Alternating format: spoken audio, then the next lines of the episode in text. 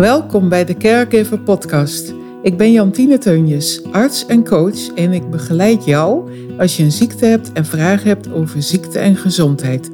Ik wil jou inspireren en ondersteunen, ook als je familie bent van iemand met een ziekte. In deze podcast zal ik persoonlijke dingen met jou delen om jou te inspireren, maar ga ik ook in gesprek met mensen die inspirerende dingen over ziekte of einde levensfase te delen hebben. Ben je op zoek naar inspiratie of mijmeringen rondom ziekte of einde levensfase? Luister dan naar de Caregiver Podcast.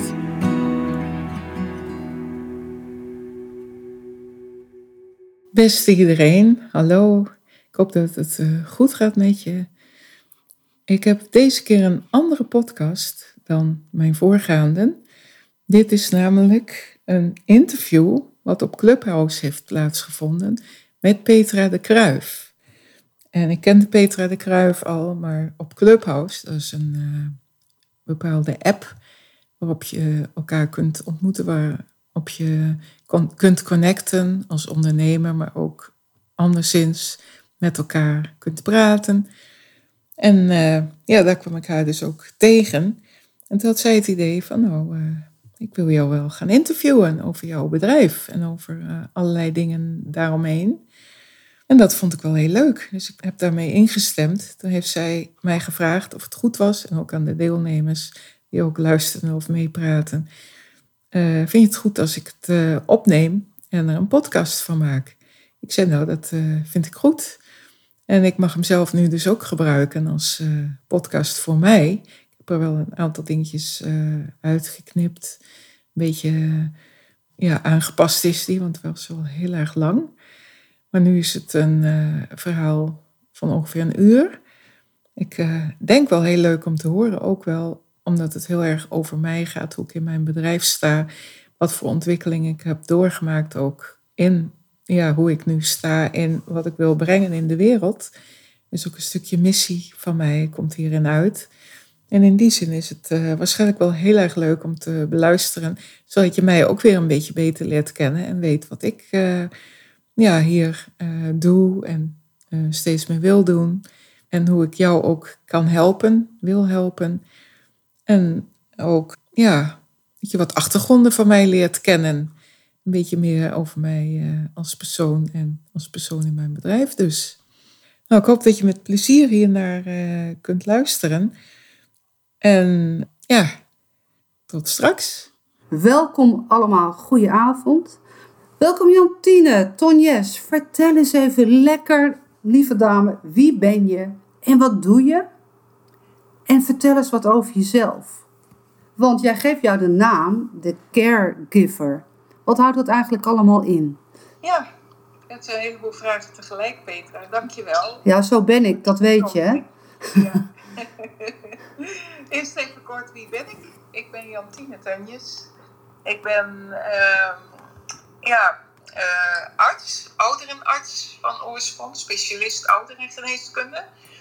En uh, ik werk ook nog een stukje als zodanig, al werk ik niet meer direct als uh, behandelaar momenteel, dat is een bewuste keuze, maar meer als, als adviseur en consulent. Ik werk nu ook bij een bedrijf in opdracht, dus als ZZP'er. En dat vind ik ook heel leuk om te doen. Maar daarnaast ben ik mijn eigen bedrijf aan het opstarten. En dat is uh, ja, waar, waar het nu ook onder andere over gaat. Wat interessant is dan, laat ik het zo zeggen. Uh, want ik, ik maak eigenlijk mijn eigen, ja, mijn eigen werk, mijn eigen bedrijf. En ik creëer mijn eigen werkzaamheden. En dat is natuurlijk een, ja, spannend daar ben ik ook blij dat ik een mooie opdracht naast heb, waardoor ik ook financieel wat, uh, wat uh, ruimte heb. Want uh, dat is prettiger dan dat ik het alleen maar daarop zou moeten doen. Want als je iets opbouwt, dan heb je niet meteen ja, genoeg geld om van te leven. Dat is nou eenmaal een, een ja, realiteit. Maar wat ik eigenlijk aan het opzetten ben, is dat ik mensen wil helpen die vragen hebben rondom het levenseinde of rondom ziektes of um, allerlei dingen rondom um, ja, ziekte, gezondheid, leven, dood. Allerlei thema's. Dus dat kunnen ook best heftige vraagstukken zijn waar mensen mee zitten. En eh, de manier waarop ik op dit moment mezelf zichtbaar maak, is door een podcast te zijn gestart. Dat is eigenlijk nog niet eens zo ontzettend lang. Ik ben niet zo iemand van continu posten, maar dan mag ik natuurlijk ook wel een stukje meer aangaan.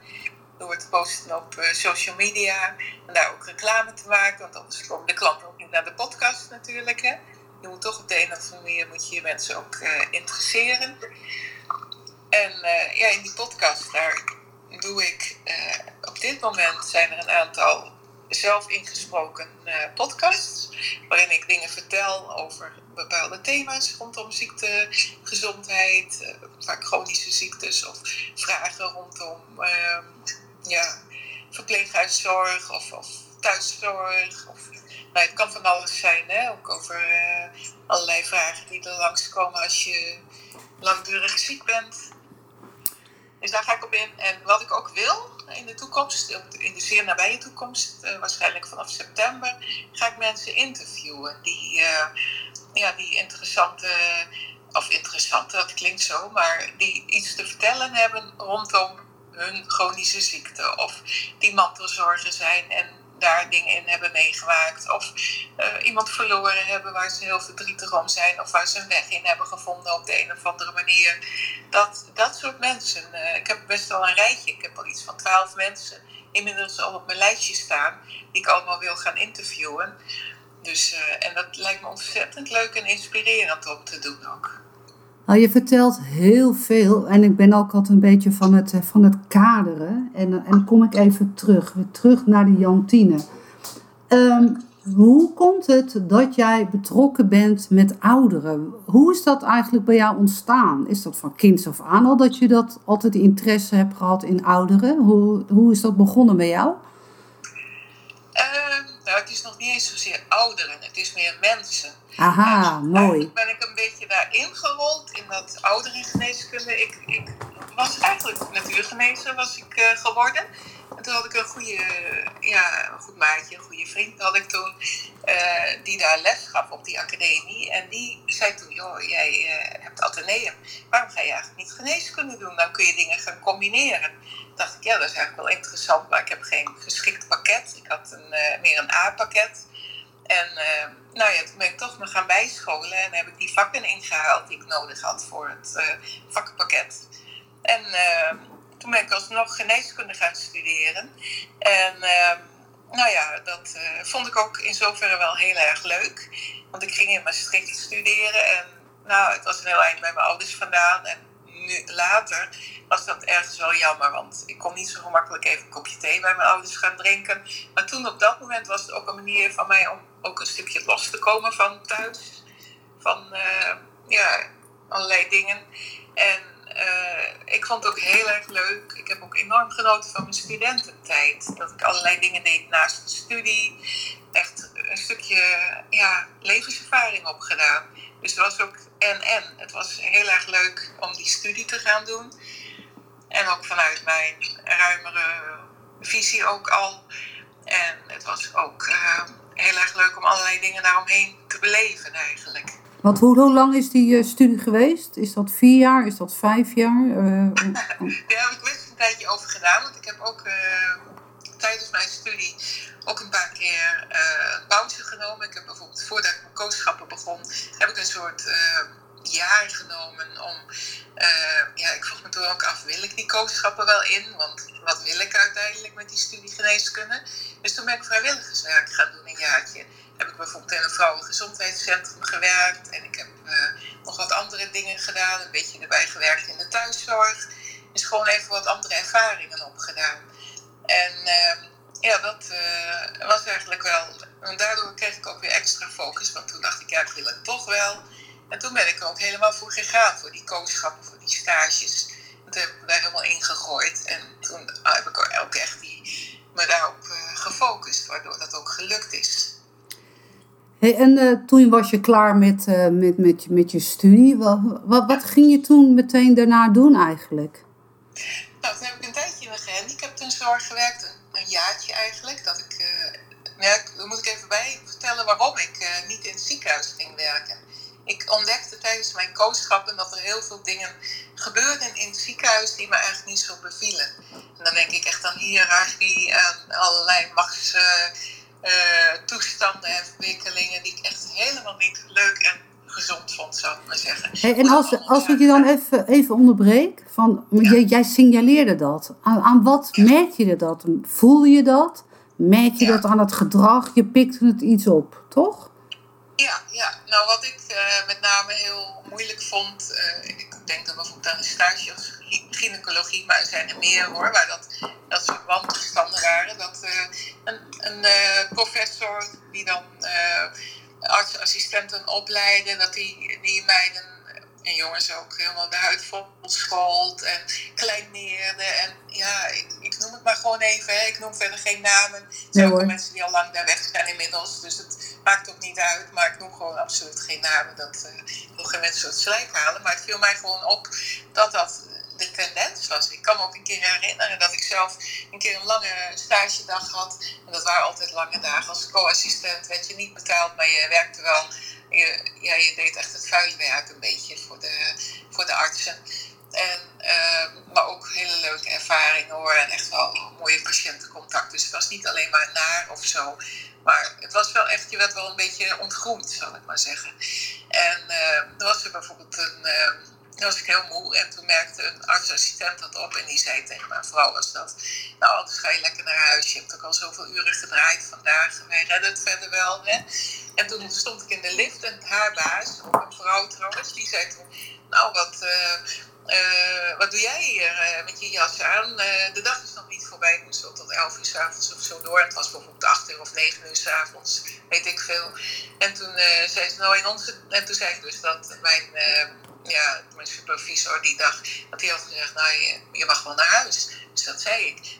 oh, in mijn tijd, daar, daar maakten we nog veel langere dagen. En, hè, dus met andere woorden, uh, softie, dat, dat soort dingen, weet je wel. Dat, maar dat is best wel een beetje, beetje harde wereld. Ja, heel hard. Echt een mannenmaatschappij heel erg de mannennormen en zo. En die vrouwen die conformeerden zich daar ook helemaal aan. Want op dat moment dat ik geneeskunde studeerde, was al 60 of 70 procent van de, was al vrouw in de studie. En inmiddels is dat nog meer schijnt. Ik weet niet hoe op dit moment dingen geregeld zijn. Ik heb wel begrepen dat na mijn tijd dat er ook uh, ja, co-assistenten, maar ook zeker artsassistenten meer in bescherming werden genomen. En dat ze minder lange dagen gingen maken. Ik kan me nog herinneren toen ik begon met mijn kooschappen, dat een stoere jonge man heel trots was. Dat was ook een artsassistent chirurgie, dus in opleiding voor chirurg. Die heel trots tegen mij zei, nou ik werk nu al drie dagen achter elkaar zonder te slapen. En dan moet je nagaan dat zulke mensen stonden te opereren. En, ja, oh, heftig, heftig. Ja, die stoer. Maar inmiddels mag dat al jaren niet meer hoor. Dus, uh, maar er werd dan er ook helemaal niks van gezegd of zo? Nee, dat was toen nog normaal. Dat was ook uh, een beetje de norm. Zo van, je moest toch wel laten zien dat je uh, ja, heel hard was en het, weer, het leven aankomt daar. En ik was er helemaal niet voor geknipt. Ik, ik kon dat helemaal niet. Ik werd moe en het kostte mij te veel energie. Dus ik heb ook toen op een gegeven moment ook een keer gevraagd. Dat was ook tijdens mijn stage gynaecologie. Dat ik zei van nou, ik red het gewoon niet om een hele nacht door te gaan. Uh, ik zou graag hier uh, ja, uh, ruimte willen hebben om toch nog even thuis te gaan slapen. Nou, dat was, moest ik echt aanvragen, officieel, bij zo'n zo'n professor of zoiets. En het is me verleend hoor, uiteindelijk. Maar het kostte wel veel moeite. Het was niet iets wat vanzelfsprekend was om dat te krijgen. Nou, dat is heftig, heftig. Ja. ja, ja, ja, zeker. Ja. En dan was ik nog maar een co-assistent. Maar moet je nagaan dat die artsassistenten dat dag in dag uit, jaar in jaar uit meemaakten. En dat ze ook om een op, opleidingsplaats te krijgen, zich ook in, al, in allerlei bochten moesten brengen om uh, aan de bak te kunnen komen om een opleidingsplaats te kunnen krijgen. Dat ze ook uh, gewenst gedrag moesten vertonen. En je hoort nu ook tegenwoordig, ondanks de verbeterde regelgeving, dat ook uh, veel artsassistenten burn-out krijgen. Ook omdat er te veel, ja, dat ze te veel op hun tenen moeten lopen. Nog steeds, dus blijkbaar. Ja, dus, dus in feite geef je aan dat is er nog eigenlijk geen fluit verandert, het systeem. Maar hoe... Wat? Nou, het, systeem van doorgaan, doorgaan en doorgaan en nog eens doorgaan. Ja. Maar hoe, hoe heb jij dat voor jezelf dan een draai kunnen geven om, om uit dat circuit te kunnen komen? Hoe heb je dat een vorm kunnen geven? Nou, ik heb op een gegeven moment gesolliciteerd. Toen ging er een vacature in het universiteitsgebouw om in een uh, praktijk voor uh, gehandicapten uh, te werken als een soort huisarts tijdelijk. En dat vond ik toen wel heel erg leuk dat ik uiteindelijk toch niet daarmee ben doorgegaan voor verstandelijk gehandicapten, was dat dan met name en ook lichamelijk gehandicapten vaak erbij, maar vanuit het verstandelijk gehandicapten. ik vond het heel erg leuk om met die mensen te werken, maar op dat moment was er nog niet een goede begeleiding of opleiding. Dat was toen in oprichting eigenlijk. En toen heb ik toch mezelf in bescherming genomen en toen ben ik uh, in het verpleeghuis gaan werken. En toen vond ik dus een uh, begeleider. Via een advertentie was dat volgens mij ook die ik vond ergens op. Ik weet niet eens precies hoe, maar waarschijnlijk een van de krantje of zo. Je had toen nog internet ook nog niet zo. Hè? Dat praat ik over die tijd dat dat allemaal nog niet zo was. Dus ik heb die ergens in zien staan in van de krantje. En toen dacht ik, nou, daar ga ik eens op bellen. En toen kreeg ik dus die uh, opleider aan de lijn. En mocht, ik op gesprek komen. En toen gaf ik als motivatie dus ook van, nou, ik wil liever niet in het ziekenhuis werken. Maar het lijkt me wel interessant om uh, ook met ouderen te werken en met uh, verpleeghuispatiënten. Dus uh, ik mocht op gesprek en toen werd ik ook meteen aangenomen. Mocht ik dan een half jaar werken om een beetje proef te draaien. En daarna ging ik in de opleiding. En dat was nog vier dagen werken, ongeveer 32 uur. En een hele dag naar de universiteit in Nijmegen was dat dan. Ik woonde toen in Maastricht. Dus dat was wel vrij pittig. En dan werken in Heerlen was dat toen. En uh, ik had nog geen auto, dus dat ging ook overwegend met openbaar vervoer. Dus uh, dat kostte ook wel de nodige tijd. Maar goed, ik heb dat toen gedaan en ook voor elkaar gekregen. En toen had ik dus mijn ja, een specialisatie had ik afgerond. Dan ben je heel wat jaren verder. Ja, dus, dus dan, hoe oud was je toen? Dat je die specialisatie achter de achter, ja, dat nou, afgerond had? Vertellen ik natuurlijk wat dat ik wat ouder was dan dat ik geneeskunde ging studeren. Ik was ja. al 4, 25. Ja. Ik had eerst een natuurgeneesopleiding gedaan en toen ging ik geneeskunde doen. En uh, nou, toen heb ik, uh, was ik denk ik dat ik die opleiding afrondde, een jaar of 4, 35 denk ik dat ik zo ongeveer was. En toen uh, kon ik dan, ja dat werk deed ik al wel, maar toen kon ik officieel ook elders werk zoeken als ouderenarts. Toen nog verpleeghuisarts genoemd. Hey, en toen je daar zo werkte, zo met die ouderen, wat, wat viel jou dan op? Van wat, wat, wat, wat, zag jij aan ouderen? En wat zag je aan ouderen en hun energie? Wat, wat merkte je eigenlijk op? Lastige vraag, hè? Er was heel veel uh, ernstige zieken. Ernstige pathologie, zoals we dat dan noemen. Want die, uh, heel veel mensen die heel veel medicijnen gebruiken. En ehm, nou ja, dan heb je een beetje de onderverdeling, heel grofweg, zeg ik het even. Je hebt de demente mensen. En je hebt natuurlijk ook somatisch zieke mensen, lichamelijk zieke mensen die ook dement bij kunnen zijn. Maar even heel grofweg waren de mensen dan die op een gesloten afdeling verbleven, zoals dat toen heette. En, je had, en dat waren dan de demente mensen of uh, gedragsgestoorde mensen. En je had uh, daarnaast uh, meer lichamelijk zieke mensen. En met dat soort mensen werkte ik. Maar ik ben later ook met, bijvoorbeeld met jongere mensen in het verpleeghuis gaan werken of op woonunits die een, een hersenbeschadiging hadden. Het wordt dan niet aangeboren een hersenletsel genoemd. Dat heb ik ook wel misschien wel een jaar of vijf gedaan. Naast dan andere werkzaamheden. Dus ik heb wel van alles gezien eigenlijk in het verpleeghuis en daarbuiten. En, en voel je het ook heel dankbaar werk om in dat, in, in, in dat verpleeghuis te werken met allemaal verschillende ja, gradaties van de somatische patiënten, ja, niet aangeboren letselpatiënten. Wat was bij jou dan ook de trigger om de vertaalslag te maken naar meer naar de ouderen te gaan? Kan je dat een beetje verwoorden?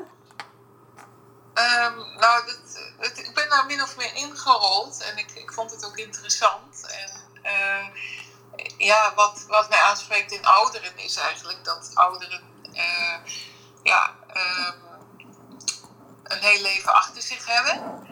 En een bepaalde wijsheid ook vaak in zich hebben. Ook niet altijd, maar het, het is wel een interessante groep. Heel veel mensen denken dat het saai is om met ouderen te werken, maar ouderen hebben wel heel veel doorleefd en kunnen ook ja, een bepaalde spiegel voorhouden. Die kunnen bepaalde dingen laten zien in hun gedrag, in wat ze hebben meegemaakt. En wat ik met name leuk of interessant vond eraan is, ja, je kunt ze lang niet altijd meer beter maken, maar je kunt wel veel voor ze betekenen. En dan met name in een eindtraject. Uh, ze begeleiden naar en ook niet altijd een eindtraject, ook een woonleeftraject. Of, of revalidatie heb ik ook veel gedaan dat kon ook in het verpleeghuis. Daar heb ik ook best wel ervaring in opgedaan. Het was keihard werken. Heel veel verloop en heel veel uh, opnames, heel veel uh, ontslagen ook. Waar dan weer ontslagbrieven voor moesten worden geschreven. En ja, um, dan was somatische zorg wat rustiger. Dan woonden die mensen daar gewoon. En ook uh, eh, PG, de demente mensen, was ook rustiger nou, heb je ook meer het begeleiden, wat ook heel interessant is. Maar mensen gaan op een gegeven ogenblik ook wel slechter worden. Dat heb ik ook veel gezien. En daar heb ik ook veel in mogen begeleiden. En dat vond ik ook heel interessant altijd. Nou, je, zegt, uh, je zegt het net zo'n heel mooi zinnetje. Je zegt van uh, met die ouderen, kijk, je kan ze niet beter maken, maar ja, je kan ze wel begeleiden naar dat eindtraject.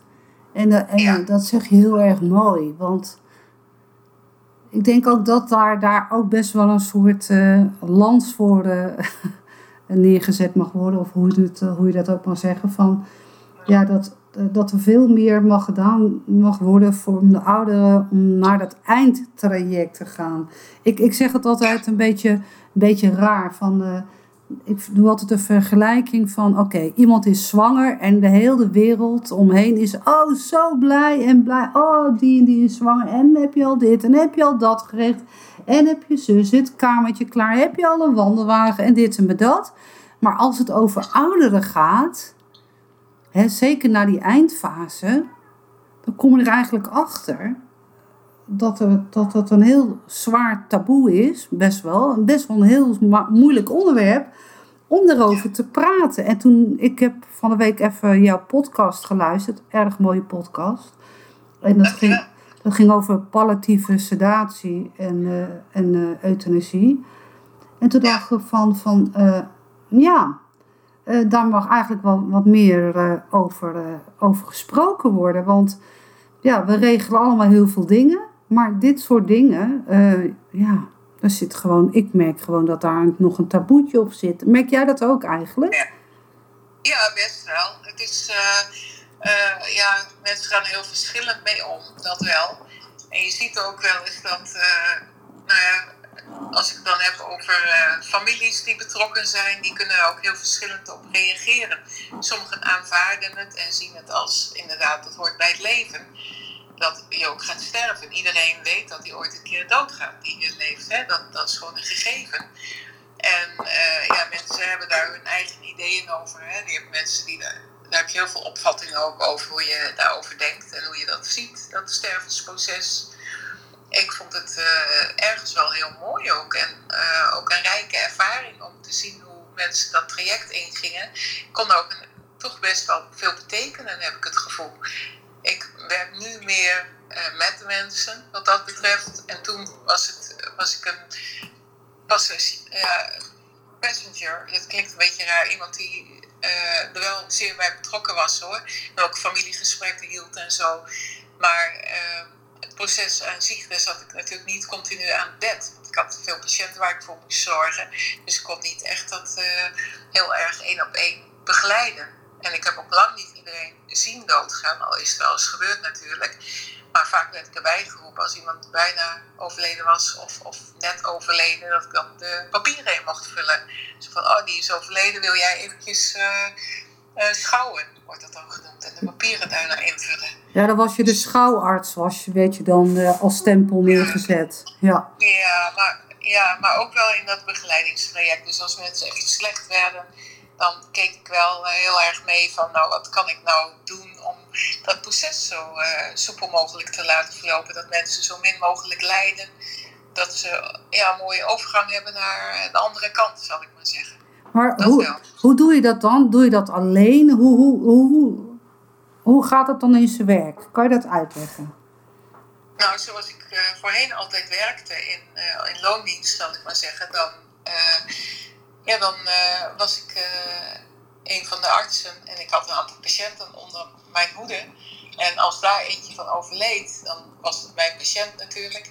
En dan ging ik de gesprekken in met de mensen zelf en met de familie om een begeleiding te geven in dat traject. Dus dan uh, sprak ik erover van, oh, ik heb de indruk dat het niet goed meer gaat met, uh, met u of, met, of tegen de familie van, nou, het gaat niet meer, niet goed met je moeder of, of vader of, of uh, broer, zus, partner, noem maar op. Ehm, zullen we eens kijken wat we het beste kunnen doen. Voor, wat willen jullie nog? Nou, meestal was er al een beleid afgesproken. Of mensen nog allerlei dingen wilden. Of ze nog wilden dat uh, of meneer naar het ziekenhuis zou gaan. Of dat binnen het verpleeghuis optimaal behandeld zou worden. Of dat er juist terughoudend behandeld zou worden. En alleen palliatief of symptomatisch wordt dat ook wel genoemd. Dat je alleen symptomen nog bestrijdt. Dus als iemand benauwd is, geef je iets om die benauwdheid te bestrijden. En zorg je dat iemand zich zo comfortabel mogelijk voelt. En als iemand uh, ja, palliatief, dan kun je, dat is eigenlijk uh, ja, ook uh, verzachtend optreden. Dat iemand zo min mogelijk lijdt. En je kunt ook nog kiezen voor de optie binnen het verpleeghuis optimaal behandelen. Dat wil zeggen dat je toch nog wel dingen uit de kast haalt, figuurlijk gezien. En letterlijk ook om nog te kijken wat er nog mogelijk is als je palliatief of symptomatisch handelt, dan is dat meestal een stukje al begeleiden richting het eindtraject. Dat iemand het zo goed mogelijk heeft en uh, dat het leven niet meer nodeloos verlengd of gerekt gaat worden. Hey, en, en ben, je er dan, uh, ben je er dan alleen voor die patiënt of heb je dan ook, vang je dan ook zeg maar de, de familieleden op? Of, of doen andere mensen dat als je dat en dan doe ik ook wel die familie opvangen, maar is ook uiteraard verpleging dan betrokken en die uh, doen ook uh, daar dingen in. Dus het is niet dat ik dat alleen doe, het is een heel team eigenlijk. Uh, met name verpleging, die zitten aan het bed, die signaleren ook heel veel, die zien met de familie ook dat er pijn is of dat er andere ongemak is. En dat wordt dan gemeld aan de arts. Dus eigenlijk zorg je er dan eigenlijk voor dat alle neuzen dezelfde kant op gaan in het, in het, in ja. het eindtraject. Ja, daar komt het wel op neer, ja. ja. Wat, wat vind jij nou het mooiste van jouw uh, vak? Um, nou, niet zozeer het behandelen dus. Ik wil wel, wat ik nu op dit moment doe, is eigenlijk meedenken. Ja. Dus het uh, kan zijn dat ik in consult word geroepen. Dat is dan een ZZP-kluswerk, hè? daar heb ik het dan nu over. En dan uh, kijk ik mee met vragen er zijn vanuit de huisarts of vanuit verpleging of vanuit andere mensen. En dan stuur ik daarbij of ik denk daarin mee en ik geef adviezen. Maar als ik echt naar mijn eigen toko kijk, dat is nog weer een ander verhaal. Daar uh, wil ik met name mensen meer consulteren en coachen, maar ook begeleiden in vragen uh, die ze hebben rondom ziekte, dood en ook eindtrajecten bijvoorbeeld. Zo ben ik laatst ook bij iemand thuis geweest op verzoek van mijn dochter was dat dan. Uh, ja, dat was een uh, ernstig zieke vader, een man, die, waar ook een partner bij, bij is die het ook zwaar heeft af en toe en die vragen had en die het heel fijn, fijn vond om een gesprek met mij te hebben. En daar is dan ruimte voor geweest. Dat was een heel fijn gesprek mevrouw vond dat ook heel fijn. Dus dat zijn ook dingen die ik dan doe. Dat is nu wat mijn eigen toko is, mijn eigen bedrijf. Dus dat, kan ik helemaal invullen zoals ik het zelf wil. En ik wil eigenlijk trajecten uh, gaan aanbieden. Waardoor mensen een tijdje, een aantal maanden of een aantal sessies begeleid kunnen worden door mij. En dan uh, dat je echt uh, een band met elkaar krijgt. En dan kunnen ze mij ook bellen en we maken afspraken. We sparren met elkaar over dingen. En dat kan zijn dat ik daar naartoe ga binnen een bepaalde straal. Een aantal kilometers, maar het kan ook zijn dat we bellen of beeldbellen. Of dat we, nou ja, er zijn allerlei mogelijkheden eigenlijk. Dat is net hoe het uh, zo het is. Dat stemmen we dan onderling af. Klopt dat ook omdat er dan een behoefte is van, omdat het zeg maar het hele, uh, ja, het overheidsinstelling gebeuren, laten we het woord ziekenhuis noemen, dat daar toch misschien wat minder tijd voor is. Dat je daarom het ook als een soort ja, particuliere instelling, als ik het zo uitleg, dat je dat, dat in wil zetten. Omdat je gewoon, dat jij dat gewoon signaleert van, ja weet je, er is daar ook een tekort aan. Ja, ja dat is wel zo. Dat, uh, ik uh, ben op een gegeven ogenblik op een mastermind in het buitenland geweest. Maakt verder niet uit uh, dat het in het buitenland was. Dat had ook in Nederland kunnen zijn. Het gaat om de mastermind. Maar toen heb ik ook dus een aantal dingen te horen gekregen door die groep en door die coaches. Zo van, ja, daar ligt echt jouw goud. Dat is, daar ligt jouw kracht. En doe daar wat mee, joh. Dat, uh, daar is echt behoefte aan. Dat is een losse van of behoefte aan is, maar het is gewoon heel mooi werk wat je daar kunt verrichten. En daar ben jij geknipt voor. Dus dat uh, heb ik met beide handen toen ook uh, aangegeven. En uh, vandaar dat ik daar nu ook mee verder ga. En dat ik ook in één keer ook voelde, dat is wat ik hier te doen heb, wat ik verder mag uitbouwen. Het is meer dan alleen mantelzorgondersteuning dus. Het, is, het gaat verder, het gaat veel verder eigenlijk. Mantelzorgers kunnen het zijn, maar het kunnen ook net zo goed zelf zieken zijn die vragen hebben. Of bijvoorbeeld iemand die uh, zich afvraagt, is euthanasie bijvoorbeeld voor mij een optie. En daar een soort uh, second opinion over wil hebben. Dat zou ook kunnen. Dat mensen ja, je maakt dan dingen eigenlijk uh, gewoon bespreekbaar. Dat is wat jij wil. Ja, niet meer. Ja. Dus hoe zouden we viel ik weg. Ja, ik weet, ja, ik heb nog steeds dat er bij mij staat poor connection. Ik snap er helemaal geen fruit ah. van, maar mijn wifi doet het gewoon. Ehm, kijk, er is gewoon een behoefte aan dat sommige mensen, ja, die voelen zich dan misschien niet uh, gehoord in een ziekenhuis of, in, of in, misschien in een instelling waar uh, het familielid uh, ja, bivakkeert voor een tijdje. En dat er eigenlijk een soort extra behoefte is ontstaan van ja, ehm, er is gewoon meer hulp nodig van buitenaf. En dat jij dan specifiek er bent voor diegene die gewoon bereid is om met jou het gesprek in te gaan. Want als jij drie of vier of vijf keer hebt gevraagd, kan ik de arts spreken? En je krijgt constant een ander. Uh, ja, dat werkt natuurlijk allemaal, ja, dat is gewoon zwaar frustratie is dat. En mensen voelen zich niet gehoord.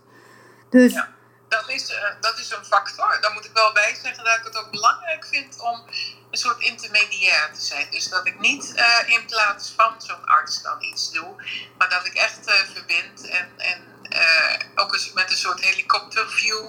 Dat ik kan, ik kan natuurlijk als buitenstaander kan ik veel beter de dingen overzien en ja, meekijken een betrokken arts of verpleegkundige, die zitten er middenin, ook familieleden zitten midden in een situatie, ook een persoon zelf natuurlijk.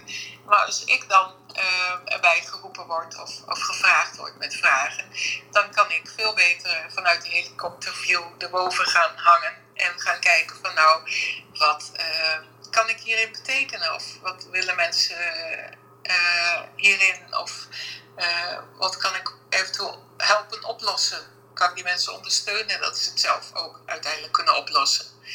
En soms kan, ik, kan het dan zijn dat ik ook uh, kan ondersteunen richting zo'n arts. Ik ben natuurlijk, ik kan met alle partijen praten ook in principe. Hè? Omdat ik ook uh, opgeleid ben als arts, versta ik ook de taal van de artsen. En versta ik trouwens ook de taal van de patiënt en de, en de familieleden. Die begrijp ik ook heel goed. En ik kan ook in Jip en Janneke taal kan ik... dingen toelichten die een uh, andere arts bedoelt. Of uh, een stukje daartussen gaan zitten of staan, hoe je het ook maar noemt. Dus dat is ook mogelijk. Ja, dat is super mooi. Hey, kan jij ook een, een, een, een voorbeeld van een, van, een, van een patiëntenverhaal, en nogmaals, je hoeft helemaal geen namen te noemen, want dat doen, dan doen we niet. Kan jij een voorbeeld geven van wat jij een heel mooi uh, ja, behandelplan vond en ook zeg maar een serene afscheid. Kan jij dat voor de geest halen, zeg maar? Ja, ik heb zelf nog niet heel veel ervaring binnen uh, mijn eigen bedrijf, zal ik maar zeggen. Maar uiteraard wel in het verleden als, uh, als ja, binnen toen nog als ouderenarts in loondienst werkte. En ehm, ja, daar heb ik heel veel gezien. Dus moet ik echt gewoon even nadenken. Wat is nou een heel mooi voorbeeld? Wat wel, ook in een van mijn podcasts uh, komt dat ook naar voren. Dat ik op een gegeven ogenblik vrij abrupt ook nog niet zo lang werkzaam als arts. Dus het was extra spannend. Ik was nog in opleiding zelfs. Dat er op een gegeven ogenblik iemand uh, acuut ehm, heel erg uh, benauwd werd en een hartstilstand bleek te krijgen. En dat aan mij toen werd gevraagd van, ga je nu reanimeren? En op dat moment was er bij die meneer was er geen duidelijk uh, beleid. En dat is ook iets wat tegenwoordig vrijwel niet meer voorkomt hoor. Mensen hebben altijd een uh, vastgesteld beleid, dat is ook wettelijk nu vereist. Dat dat daar ligt, dat je gewoon weet van mag je nog of moet je nog reanimeren of niet. Hè? Dat is wel belangrijk. Want zit nog wat aan vast. Als je gaat ja, het is een heel, heel protocol is dat. Ja, ja dat weet. Een heel protocol. Dan komen er twee ambulances, dan komt de politie om de weg af te zetten. Ik heb het ook één keer gedaan, dat komt ook in die podcast voor. Maar in elk geval, ik heb ook één keer ervoor gekozen om het dus bij die meneer heel duidelijk niet te doen. Omdat hij mij ook kenbaar had gemaakt. Uh, en ook aan meerdere mensen. Van nou, eigenlijk wil ik helemaal niet meer leven. Het is voor mij geen leven meer. Dus toen heb ik op dat moment alleen maar die man zijn hand vastgehouden. En ik heb daarnaast gezeten. En dat vond ik wel een heel heftig uh, iets. Maar ook heel mooi om daar iemand echt te zien sterven. Waar ik bij was. En ik heb uiteraard ook mijn eigen ouders meegemaakt. Maar later... Ja over deze meneer nog even, ben ik dus ook door de vrouw van die meneer heel hartelijk bedankt door met middel van bloemen en een uh, kaartje waarop stond dat ze zo blij was. Ze heeft het me later ook nog zelf gezegd hoor, dat ze zo blij was dat ik daar bij die meneer was toen hij overleed. En dat ik die beslissing had genomen, dat dat heel erg goed was. Dat, hij, dus, dat, dat hij niet alleen was. Om, uh, dat ja. haar, die, zijn echtgenoot van, die vond het natuurlijk verschrikkelijk dat ja. haar man alleen ja. zou sterven. Jij hebt maar ook gewoon... dat ik uh, dat had aangedurfd om hem niet te gaan reanimeren. Daar was ze heel blij om. Daar was ze heel dankbaar over. Want ze zei, ja, dan was hij een kastplantje geworden. En dan had hij nog langer moeten leven aan apparatuur misschien nog heel lang. En misschien ook wel niet heel lang meer, want hij was ook heel zwaar belast. Hij had een longziekte, hij had uh, hartklachten, hij had een herseninfarct gehad. Uh, nou ja, uh, daarbij was hij dement. Dus hij had eigenlijk alles wat je maar kunt hebben aan ellende. Waardoor hij eigenlijk al niet eens meer geschikt was om te reanimeren. Het enige was zijn nog een relatief jonge leeftijd. Hij was geloof ik begin 60. Dus dat is wel dramatisch dat je op die leeftijd al zo zwaar eraan toe bent. Maar toch was ze heel blij, ondanks die jonge leeftijd. Want hij was gewoon op ergens, die man. Dus ze was uiteindelijk dankbaar dat ik hem had laten gaan. Nou ja, dat heb je eigenlijk gewoon uit, uit liefde gedaan. Maar, maar dat is ook je vakgebied. Maar, en dan uh, even weer terugkader van, maar wat doet het je dan als, als persoon, als mens? Wat doet het je dan? Want je doet het, je, hè, van die man uh, die ligt op sterven, je houdt uh, zijn hand vast. nou, hij gaat, maar wat, wat doet het er dan daarna dan bij jou? Dat ben ik naar, naar ja, dat zou ik wel willen weten. Nou, ik zou je dat dat mij nog kan emotioneren. Dus dat is wel iets wat impact heeft. Het is niet iets wat uh, je in je koude kleren gaat zitten. Dat raakt enorm diep. Het is, ja. Kijk, ik heb heel veel mensen zien sterven. En de een, uh, daar heb je meer mee dan met de ander. Hè? Dat laten we wel zijn. En sommige heb ik niet eens gekend waar ik de dood moest constateren, waar ik moest schouwen. Dus dat is ook heel anders. Dan zie je de verdrietige familie en dan begrijp je dat wel. Maar je hebt niet die band met die uh, mensen dan. Maar op het moment dat je echt een band hebt met mensen, dan kan dat je wel enorm raken. En ik heb ook wel mensen met hersenletsel gezien die dan uiteindelijk overleden. En wat me ook heel erg raakte, dat ik ook wel eens met tranen in mijn ogen zat. En ook als ik die gesprekken wel eens uh, moest hebben, dat raakte me ook best wel eens. En dat is helemaal niet erg dat dat je raakt. Ik denk dat dat je ook menselijk maakt. Als je me niet heel erg gaat zitten snikken. Het gaat uiteindelijk niet om mij. Het gaat niet om verdriet wat ik voel. Het gaat om die mensen. Wat ik bijvoorbeeld ook heel heftig heb gevonden. En dat is ook een reden dat ik nooit voor kinderarts heb gekozen. Toen ik ook kooschappen deed, heb ik ook een aantal kinderen dicht bij de dood gezien. En inmiddels weet ik ook wel dat uh, vanuit mijn, ook mijn meer spirituele achtergrond, die ik ook heb, dat ook dat een waardevol leven is en dat het ook af mag zijn. Hè? Dat het soms gewoon zo is, helaas, uh, hoe Dus menselijk gezien heel, heel, heel erg heftig. Maar ik heb er gegeven was er ook een jongen. En uh, daar moesten we toen aan gaan vertellen. Daar was ik dan bij dat de artsassistent moest gaan vertellen aan die jongen en aan die familie. Hadden we een scan gezien. En daar zagen we op dat uh, kanker weer terug was gekomen. En toen moesten wij dus gaan vertellen aan die jongen en zijn ouders dat hij waarschijnlijk zou gaan sterven. Dat er geen, niks meer aan te doen was. Nou, dat, daar kon ik echt daar kon ik niet tegen. Daar zat ik echt bij te huilen. Dat uh, vond ik zo heftig. Nou, hoe, hoe je het nu ook vertelt, hoe je het ook vertelt, ik krijg ook echt nu zo'n rilling door me, door me. Maar dat is, lijkt mij vrij normaal. Maar wat ik me dan afvraag met zulke heftige dingen, was, is er dan altijd een. Uh, kijk, ik weet van iemand die werkt, uh, die is rechercheur in Rotterdam. En die maakt ook van alles mee bij de politie. En, en afgelopen zondag had ik hem nog even gesproken met een verjaardag. En uh, hij mag eigenlijk nooit wat zeggen, maar soms vertelt hij wel eens een kleine anekdote. En maar bij hun is het altijd zo, bij hele heftige dingen is er meteen, staat er een, een, twee, ja, een team van twee, drie mensen staan klaar om, om die uh, ja, regisseurs, agenten, zeg maar, op te vangen. Want er, ze zeggen gewoon, de politie is gewoon, er moet geuit worden, het moet verteld worden. En er wordt honderd keer gevraagd, gaat het wel, gaat het wel? Was dat ook in, in jou, uh, wat jij meemaakte, was dat er ook eigenlijk wel? Of stond je er dan eigenlijk een beetje alleen voor?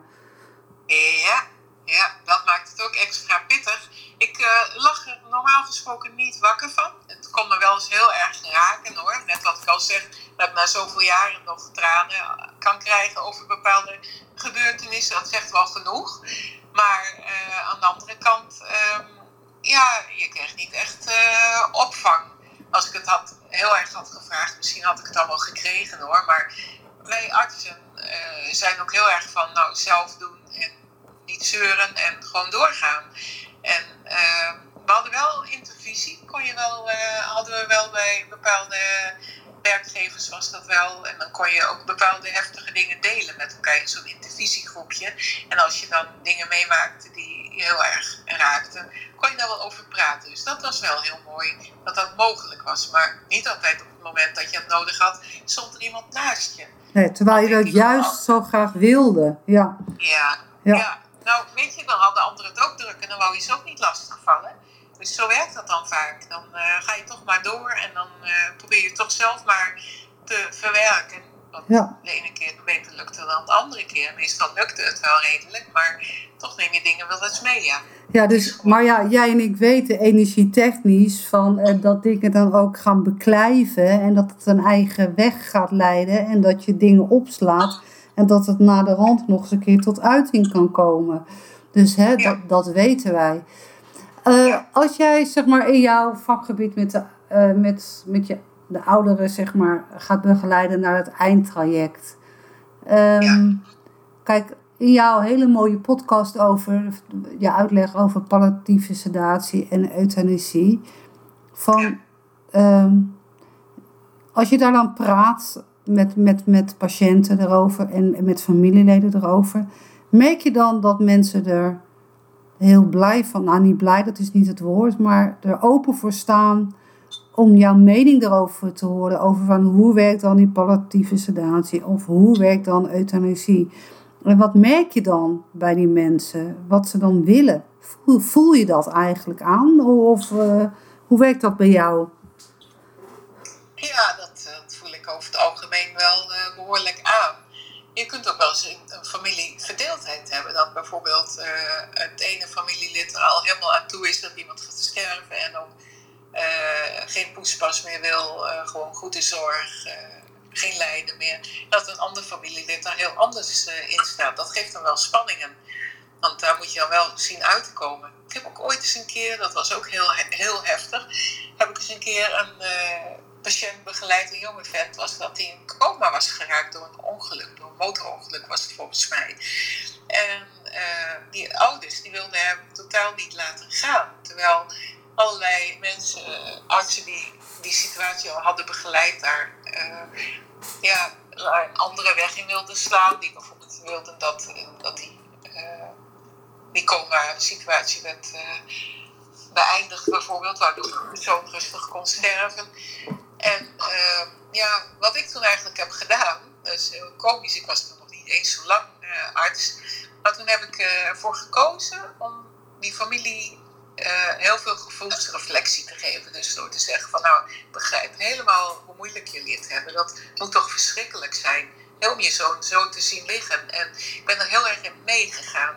Dus ik wil niet zeggen dat ik daar niet achter stond hoor. Maar ik, kon ook wel invoelen dat die mensen daar zwaar mee hadden. En op een gegeven moment groeiden die mensen toch toe naar het loslaten. En het ging toen verdraaid snel naar verhouding. Want er waren echt een aantal artsen die zich al hadden stuk geweten, die gewoon daar niet doorheen kwamen, omdat ze de hele tijd in een soort ja, machtsconflict kwamen met die familie. Dat ze andere ideeën hadden over wat de familie wou, waardoor uh, ze geen kanten meer op konden. En dan maar zeiden: Ja, we weten het niet meer. Wil jij alsjeblieft nog wat proberen? En toen ben ik daar opgezet op die situatie. En toen was het in vrij korte tijd was die familie eraan toe om die zoon toch los te laten, zodat hij kon sterven. En dat was ook wel heel bijzonder, om daarin mee te bewegen dus. Super mooi, want eigenlijk heb jij gewoon die mensen het vertrouwen gegeven. Het vertrouwen te geven om het los te gaan laten. En, en je hebt jouw gevoel geuit van het empathisch vermogen van uh, ja, hoe verschrikkelijk het is. Want dat zijn ook toch de woorden. Hoe verschrikkelijk is het als je je eigen kind moet laten gaan. Uh, dat kan, uh, Iedereen kan dat verzinnen, hoe verschrikkelijk dat is. Maar juist omdat je gewoon je menselijke factor laat zien, is dat zeg maar de ja, overtreffende trap geweest. Waardoor die mensen ook gewoon voelden van het is goed, het is goed, nu kan het. Dus op dat moment waren die mensen er misschien helemaal nog niet aan toe. Maar omdat jij ze constant daarin uh, ja, begeleiden, dan geven ze zich letterlijk over. Ja, hoe, hoe mooi is dat? Kijk, uh, ik pleit daarvoor, hoor, voor uh, mensen zoals jij. Want uh, hoe, hoe, mooi, ja, hoe mooi is dat? En um, ja, het is een ja, super mooi beroep wat je hebt, maar ook een heel intensief beroep, een zwaar beroep. Maar ja, dat is ja, met meerdere dingen is natuurlijk ook wel zo. wat, wat, wat ook belangrijk om te weten is, en dat had ik ook meegekregen in je podcast, is dat, dat mensen eigenlijk ook niet iets regelen voor zichzelf. Hè? Van, ja, uh, hè, daar hebben we het over. Ja, ja. het soort ja, levenstestament noemen we dat maar. Van hè, wat als, wat als. En ja, ik hoor, ik hoorde ook, nou ja, ik had laatst ook met iemand. En dan zei iemand, ja joh, geef mij nou maar een pil, dan maak ik daar een eind aan. zeg, ja, maar zo werkt dat helemaal niet. Nee, nee, het maar niet, hè? Maar, nee, maar dat, mensen denken daar misschien ja, toch een beetje genuanceerd over. Van, nou ja, dat, dat, uh, dat stel ik uit. Dat stel ik uit, omdat het nou, natuurlijk een zwaar onderwerp is. Ja, het is heel confronterend voor mensen en uh, daar denken ze liever nog niet aan. En dan zeggen ze, nou, dat zie ik dan wel als het zich voordoet. Maar het probleem is dat op het moment dat het zich voordoet, dan moeten anderen over je leven gaan beslissen. Stel, je krijgt in één keer een zware hersenbloeding, ik noem maar een voorbeeld, hè? Ja. En je hebt nooit kenbaar gemaakt hoe je het zou willen uh, naar je eind toe. Uh, wat je wel en niet zou willen. Ja, dan is het gissen voor de familie. En heel vaak zie je dan dat kinderen zich daar ook schuldig over voelen als ze beslissingen daarin moeten nemen. Want dan denken ze, ja, had moeder dat nou wel of niet gewild, of vader? Hè? Dat uh, is gewoon heel, heel pittig. En uh, op het moment dat je dan iets vastlegt in een wilsverklaring of in je testament of zoiets dergelijks, dan weten mensen dat. Dan uh, zelfs dan zou je zwaar dement worden. Hè? Stel, even het voorbeeld, iemand wordt uh, behoorlijk op jongere leeftijd dement, of op oudere leeftijd, dat maakt niet uit. En kan niet meer zelf een beslissing nemen over zichzelf. En er is wel een wilsverklaring, daarin staat er ook nou ik zou niet meer willen dat mijn leven nodeloos verlengd wordt. Ik wil niet meer aan de zondevoeding, ik wil niet meer naar het ziekenhuis als ik dat en dat heb. Nou dan weet je als familie dat je dat niet meer hoeft te doen. En dan als iemand dan uh, slecht erbij ligt, en ook als iemand nog vrij goed erbij ligt, kun je wel beslissingen nemen. Dan kun je bijvoorbeeld zeggen, nou, uh, zullen we je nog wel antibiotica geven in het geval van een longontsteking? Want ze wilden dit eigenlijk allemaal niet meer. Dus uh, doe je dat bijvoorbeeld niet meer. Moet natuurlijk wel menswaardig zijn. Dan moet je wel iets tegenover stellen. Als je geen antibiotica meer geeft, dan moet je wel ervoor zorgen dat er ook geen pijn is, bijvoorbeeld. Dat is dan wel uh, wat je moet bieden. En ook als, als je merkt dat er geen pijn is, hoeft dat natuurlijk niet. Maar op het moment dat je wel ziet dat er lijden is, dan moet je ook iets bieden dat het uh, lijden ook uh, verlicht wordt. Hey, voor de mensen die luisteren, een wilsverklaring, waar regel je dat? Regel je dat via je huisarts of regel je dat via een notaris? Nou, een testament via de notaris, hè, dat is meestal na het overlijden, maar soms leggen mensen ook wel eens iets uh, vast uh, tijdens hun leven hoe ze iets willen. Maar een wilsverklaring is, is een uh, officieel document wat gebruikt mag worden in een eindfase bijvoorbeeld. Hè, daar gaat het met name over.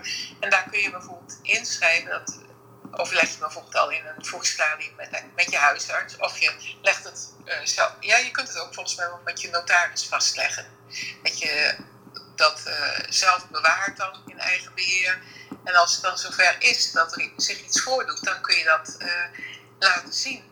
En dan weet je familie wat je wel en niet zou hebben gewild. En als iemand dan dement is en ja, je mag officieel geen euthanasie bij iemand die niet meer wilsbekwaam is toepassen. Dus als iemand dan niks meer kan besluiten over zichzelf in hoge mate. Want je hebt ook stadia in wilsbekwaamheid. Je kunt bijvoorbeeld nog zeggen, nou geef mij een boterham met pindakaas. Dat is ook een mate van wilsbekwaamheid.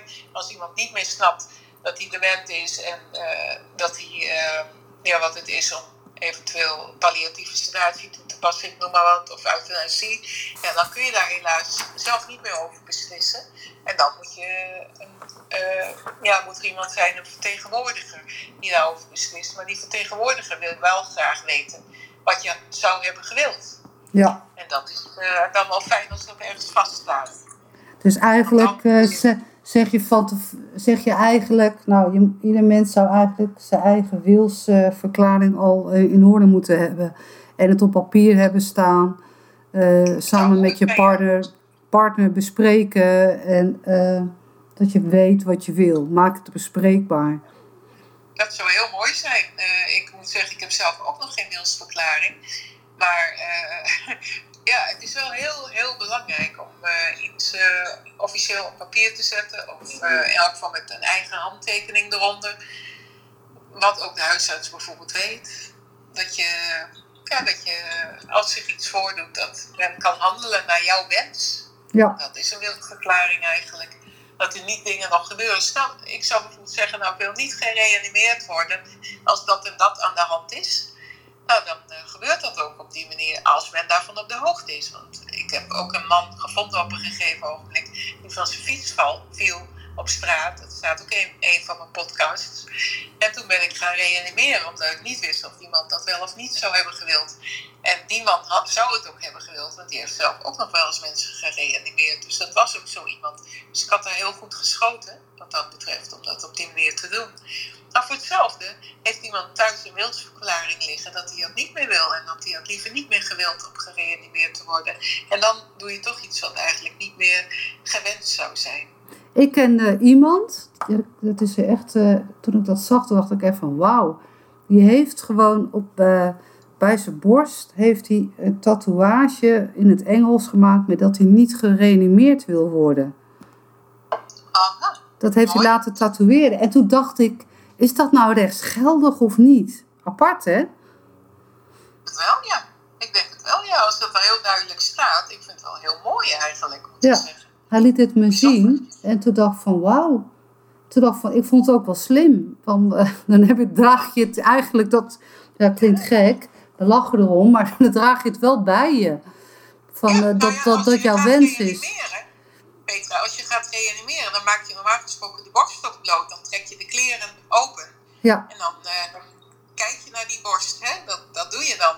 En als je dan daar inderdaad een tatoeage ziet van niet reanimeren, dan is dat wel eh, heel erg duidelijk. Het kan niet duidelijker eigenlijk. Ik bedoel, daar hoef je geen eens papieren bij te pakken. Als Nee. iemand dat wil of niet. Dus dat is prachtig. Je kunt ook een bandje kun je omdoen bijvoorbeeld. Dat komt ook wel voor. ja of, Dus, of een eh, ketting waar je te, zeg maar, wat je Ja. vroeger zeg maar, had met kinderen met zo'n SOS-ketting van Ja. eh, met je adres. Ja, dat zou je ook kunnen doen. Ja, Mooi. Hey, we zitten zeg maar bijna al een uur eh, zeg maar, eh, te praten. En ik had eigenlijk een vraag aan mensen die aan het luisteren zijn. Hebben jullie een vraag voor Jantine? Zou je wat willen delen? Wil je wat zeggen? Of zeg je van, nou weet je, het is oké, we luisteren lekker. En eh, dan, ja, dan probeer ik nog een beetje tien minuten, zeg maar, nog een, lijn aan te houden. Want anders wordt het altijd uh, een beetje lang. Ik ben wel altijd van, er moet wel een verhalenlijn in zitten. Maar heb je een vraag, stel hem. Jantine, van, uh, als je voor je, jezelf, zeg maar, uh, afvraagt van, ehm, met, wat vind je nou mooier? Ehm, iemand te begeleiden in de palliatieve sedatie of mensen begeleiden in de fase van euthanasie? En ik weet dat dat een lastige vraag is. Hmm. Nou, ik, ik moet je eerlijk bekennen, ik heb nooit euthanasie bij iemand uh, gedaan. Uh, daar had ik persoonlijk uh, best wel moeilijk mee. Dat is hoe ik in elkaar zit. Dat is heel persoonlijk, want ik heb wel eens een verklaring medische verklaring geschreven. Dat lijkt dan heel dubbel, maar om te kijken of iemand wilsbekwaam was om, om euthanasie toe te laten passen. Maar ik kan dat zelf niet. Dat is gewoon hoe ik in elkaar zit. Dat zou ik heel moeilijk vinden. Maar er zijn wel artsen die daar minder moeite mee hebben, die dat zelfs uh, goed vinden om dat toe te kunnen passen. Dus die doen dat dan. Er, is ook, uh, er zijn ook mogelijkheden voor. Hè? Dus uh, ja. dat is ieder voor zich. Ja, maar het is ook zo. Ja heb wel een keer, toen dacht ik, nou, dan ga ik dus een keer daar doorheen. Hè? Dus kijken hoe dat toch voor me is, om dat een keer mee te maken, om daarbij te zijn. En was, toen was ik in loondienst in die tijd. En uh, ik uh, had het nog nooit gedaan. Dus ik zei toen tegen een collega, zou jij misschien het willen doen? Je hebt het wel vaker gedaan. Dat was bij een patiënt van mij. En dat ik er dan bij ben. En dat wou ze wel. En toen op de bus. Het was een ALS-patiënt, dus dat is ook wel heel heftig. Als die uh, ja, slechter aan toe zijn in een eindstadium, kunnen ze zelfs stikken. Dus het is wel ergens een menswaardige manier als iemand dan euthanasie kan, uh, ja, kan krijgen. Dat is echt wel uh, fijn dat dat mogelijk is. En nou, wij waren met die meneer in gesprek. Die kon niet meer echt praten, maar hij kon nog wel ja en nee zeggen en dingen duidelijk maken. En dat is dan ook voldoende in principe. En daar is toen ook een uh, arts bijgekomen.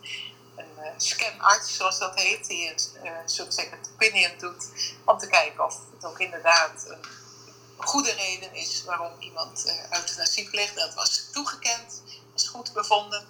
En toen zouden wij dan die avond om zeven uur, zouden wij die meneer helpen, zal ik maar zeggen, naar de dood. Dat zou zij dan doen. En uh, die bewuste ochtend overleed die meneer. Uit zichzelf, ja. Uit zichzelf. Dus het is niet meer nodig geweest. Dus ik heb uiteindelijk nooit, ben ik erbij geweest zelfs, bij een euthanasie. Dat is gewoon zo gelopen. En uh, het zal ook niet meer gebeuren, want ik ben niet meer uh, bezig als behandelaar. Dus ehm, wat dat betreft zal dat ook niet meer op mijn pad komen. Ik kan me wel voorstellen dat mensen mij vragen erover stellen. En daar kan ik ook heel goed daar antwoord op geven. En ook waarom, waarom iemand uh, het in een bepaald geval wel of niet zou kunnen doen. Daar kan ik ook heel uh, eerlijk en goed over communiceren en daar goed advies in geven. Dus dat zeker. Dat, dat is super mooi. Ja, maar dat is, dat is ook jouw rol daarin, hè? Dat is zeker jouw rol. En ik denk ook dat ik het, uh, uh, ja, deze room uh, af ga ronden. Ik wil nog even zeggen, Jantien, jouw podcast op, die staat op iTunes en op Spotify en, en waar nog meer op? ja, op alle. Op de alle. belangrijkste kanalen eigenlijk, ja. Ja, ja op Apple staat die ook op. Dus, en onder het noemertje van Caregiver, toch? Caregiver. Ja. Dan onder mijn eigen naam ook, Jantine Tonjes. Ja. Tonjes. Hey, en jouw website is ook gewoon jantinetonjes.com, hè? Uh, ja. ja. Ja. Nou, ik vond het een heel mooi open gesprek. En fijn dat je ja, ja, eigenlijk je kennis gewoon uh, wilde delen. En uh, fijn dat uh, mensen ja, gewoon lekker ook geluisterd hebben. Want het is best wel een onderwerp wat niet zo uh, eh, doorsneden. eh, ja, ja, mensen hebben het er toch te weinig over. En mensen zoals jij, Jantien, eh, ja, die zijn ook broodnodig daarin. Het mag gewoon aangekaart worden. Klaar. Eh, hè? Er is één zekerheid in het leven. En dat is dat iedereen gaat eens een keer dood. Ja. Ja. Dat, hè, dat is het enige wat zeker is. En de rest, eh, ja, werkt gewoon anders. Dus, lieve Jantine, dank je wel voor eh, je mooie Ja, verhaal. En, eh, ook bedankt voor het podium. Ja. en eh, nou, het allerbeste. En eh, nou, tot de volgende keer. En dank je wel allemaal voor het luisteren. Ik wens jullie allemaal een hele eh, fijne avond nog. En voor iedereen die het nodig heeft, heel veel sterkte en een dikke knuffel. Hoi, hoi. Hoi. Ah, ik hoop dat je met plezier hebt geluisterd naar het eh, interview van Petra met mij. En eh, mocht je er nog vragen over hebben of opmerkingen, nou ja, je kunt me altijd een berichtje sturen. Of iets in de gezamenlijke gratis Facebookgroep, mocht je er lid van zijn, plaatsen. Dat is allemaal mogelijk, dus dan kan ik daarop ingaan. Ik vond het zelf heel leuk om op deze manier geïnterviewd te worden. Ik hoop dat jij het ook leuk vond om ja, wat meer over mij te horen. En over mijn manier van werken en wat mij drijft. Nou, tot een volgende podcast. Hierbij zijn we aan het einde gekomen van deze aflevering van de Caregiver podcast. Ik wil jou bedanken voor je aandacht. Ik hoop dat je met plezier hebt geluisterd. Als je het fijn vond om te luisteren of deze aflevering inspirerend vond, zou ik het heel erg op prijs stellen als je dan een review achterlaat op iTunes of de Apple Podcast app. Zo wordt de podcast door andere mensen nog beter gevonden. Deel de podcast in je netwerk of stuur hem door naar iemand die dit mogelijk interessant vindt. Verder wil ik jou naar mijn gratis Facebookgroep verwijzen, waarin ik jou nog meer kan inspireren. Over twee weken is er weer een nieuwe aflevering.